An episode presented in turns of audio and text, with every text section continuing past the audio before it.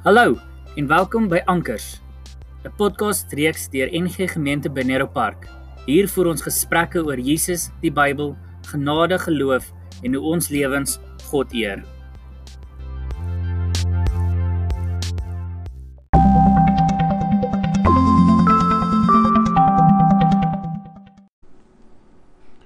Ons lees uit Efesiërs uit.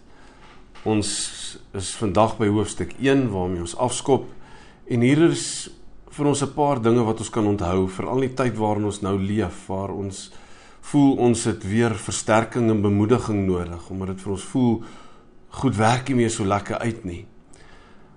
Paulus begin in vers 3 nadat hy sy gewone groete boodskap het dan sê hy prys ons goeie God, die Vader van ons Here Jesus Christus voortdurend, want hy is wonderlik goed vir ons. En dan 'n belangrike ding. Deur wat Christus gedoen het, het hy al die geestelike skatte wat daar in die hemel is, verniet vir ons gegee. Of 'n mens kan dit ook vertaal die laaste deel om te sê of hy het ons geseën met al die geestelike seëninge wat daar in die hemelsfere is. God het ons geseën in Jesus Christus het hy klomp goed vir ons kom gee. En in die Nuwe Testament is dit net God wat met seën in verband gebring word. Hy is die een wat seën en hy word ook geseën wanneer hy geloof en geprys word.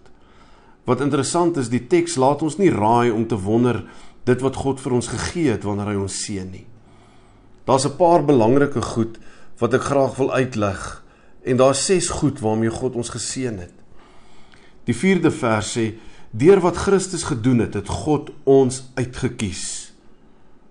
Omdat hy ons liefhet, het hy ons al voor die wêreld gemaak is uitgekies om sonder foute net syne te wees.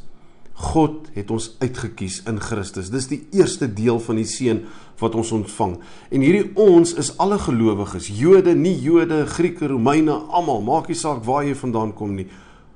Christus het ons uitgekies Calvin het gesê dat die feit dat ons in Christus uitgekies is, is die basis van ons geloof. Dis waar alles begin het. Die volgende ding is in vers 5. Die volgende seën wat ons kry, sê deur wat Christus gedoen het, het God ons het God vooraf besluit om ons as sy kinders aan te neem. Ons moet weet dat deel van die seën is is ons kindskap van God. Ons is nie nobodies nie, ons is God se kinders. Die derde deel van die seën wat ons gekry het is vers 7 wat sê deur wat Christus gedoen het is ons verlos. Hy het sy lewe vir ons gegee. Gaan die vers aan. Ons oortredings is vergewe omdat God die rykdom van sy onverdiende goedheid in oorvloed aan ons gegee het. Ons is verlos. Ons dink nou weer daaraan in Paastyd waarin ons op die oomblik is. So ons is verlos. Die volgende ding in vers 11 skryf Paulus. Hy sê deur wat Christus gedoen het, het ons ook deel van God se eie volk geword. Ons kan daardie volk ook vertaal met erfdeel. Ons het vir God en die koninkryk as erfdeel ontvang. Die 5de ding vers 13 deur wat Christus gedoen het, het ook julle die waarheid gehoor, die goeie nuus waardeur julle gered word. Ons het die waarheid gekry. Ons het die goeie nuus ontvang. En dan die sesde ding wat deel van hierdie seën is wat ons in Christus gekry het.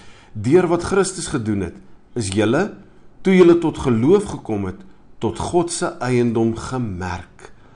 Dan gaan hy vers 14 aan om te sê die Heilige Gees is 'n deposito wat ons volle erfenis waarborg totdat almal wat aan God behoort volkome verlos sal wees. Daarom moet ons God se grootheid prys. En dis waarmee hy hierdie gedeelte afsluit om sê ons moet God prys oor hierdie 6 dinge wat ons ontvang het en ek herhaal dit vinnig net weer. Kom ons onthou dit. Deur wat Christus gedoen het, het God ons uitgekies.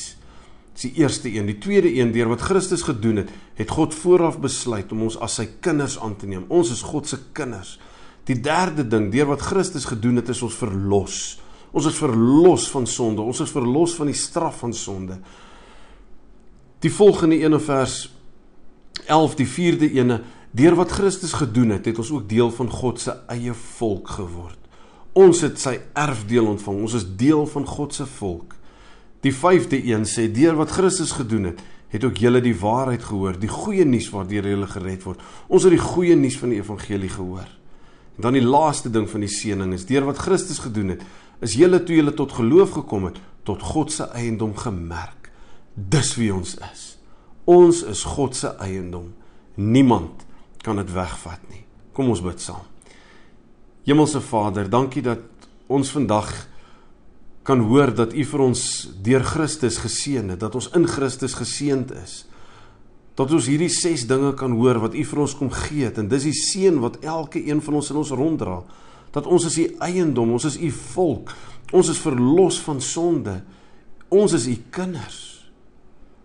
Baie baie dankie daarvoor, Here.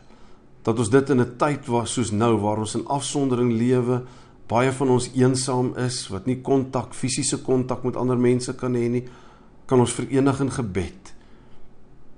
En kan ons in gebed na U toe kom en sê, Here, ons weet ons is U kinders, ons weet ons is U volk. Dankie daarvoor vir U seën. Amen.